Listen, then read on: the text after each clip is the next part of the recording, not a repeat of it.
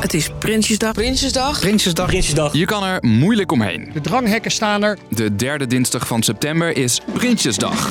De dag van de gouden koets, hoedjes, oranje tompoezen eten. Nou, ik denk zo om en bij de 200 stuks. Maar vooral de dag dat de regering de plannen voor komend jaar bekend maakt. Voor de arbeidsmarkt is, samen met de werkgevers en werknemers, een uitgebreid pakket maatregelen ontwikkeld dat nu wordt uitgevoerd. Alleen heeft dat wel zin nu er over twee maanden verkiezingen zijn. Ik ben Dennis en ik leg je uit waarom deze Prinsjesdag voor de politiek zo belangrijk is. Hoera! Hoera! Dank je. Maar eh, ik doe ook gewoon mijn werk. Lang verhaal kort. Een podcast van NOS op 3 en 3FM. Het was de tiende keer voor Willem-Alexander als koning, Die hebben een onvergetelijke indruk op mij gemaakt. de eerste keer voor prinses Alexia en waarschijnlijk de laatste voor Mark Rutte. Nederland is een ontzettend gaaf land. Prinsjesdag is traditiegetrouw een feestelijke dag in Den Haag. We willen de vlag eh, gehezen zien worden en we willen alles meemaken. Maar ook een politiek belangrijke, want waar draait deze dag nou precies om? Op eh, Prinsjesdag presenteert het kabinet de regering hun eh, beleid, eh, w- wat ze voorstellen voor het komende jaar. Je hoort collega Roel Bolsius van de politieke redactie. Dit is dus de dag met de troonrede en alle tradities. Maar het politieke vuurwerk komt meestal pas daarna bij de algemene beschouwingen. Dat is het grote politieke debat op de woensdag en de donderdag na Prinsjesdag. Ja, want dat is het moment dat politieke partijen de regering aan het tand voelen over hun plannen.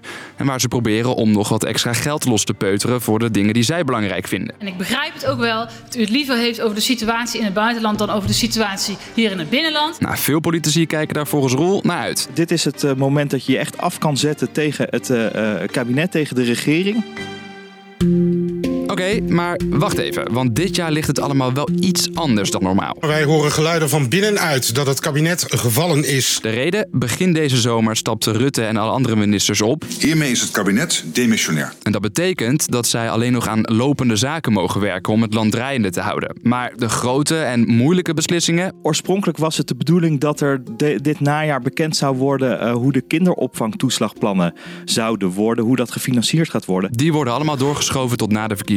Dus dat maakt deze Prinsjesdag en algemene beschouwingen best wel saai. Of niet, Roel? Nee, ik denk juist niet dat het saaier is, omdat het eh, no- nu niet langs de lijnen coalitie-oppositie gaat. Zit zo. De partijen die de regering vormen, dus dat zijn nu de VVD, het CDA, de ChristenUnie en D66, die maken samen de begroting. En zij vormen dus bij die algemene beschouwingen ook één blok.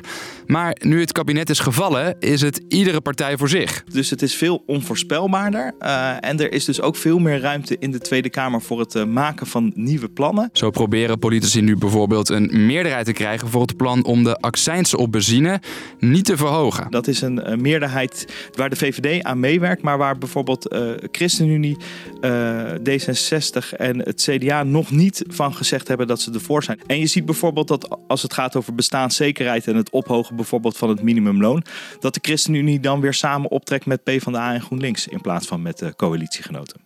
Combinaties die voor de val van het kabinet onwaarschijnlijk waren. Toch staat er in de plannen van dit jaar alsnog een dure uitgave. 2 miljard euro.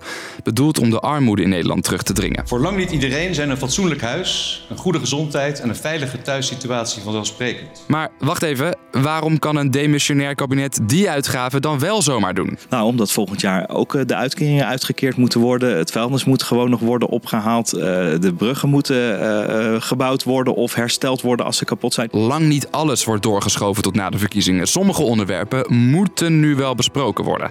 Eerder zei een belangrijk onderzoeksrapport al Dat als het beleid ongewijzigd zou blijven, dat 1,1 miljoen mensen onder de armoedegrens zouden zakken komend jaar. Dat is echt heel veel. Groot issue dus, ook in de politiek.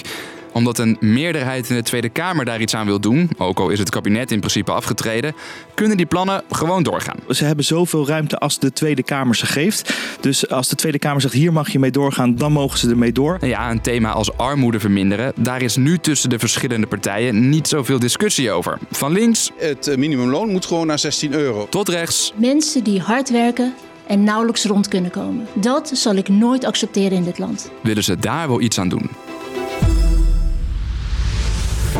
Dus, lang verhaal kort. Prinsjesdag is een dag vol tradities, maar deze gaat net even anders. Het demissionaire kabinet presenteert hun plannen, maar echt grote veranderingen moeten wachten tot na de verkiezingen. Wel zijn er nieuwe plannen om armoede tegen te gaan, omdat een meerderheid van de Tweede Kamer dat te belangrijk vindt om te laten wachten. Nou, dat was hem weer voor vandaag. Leuk dat je luisterde, Dank u wel. ook namens mij.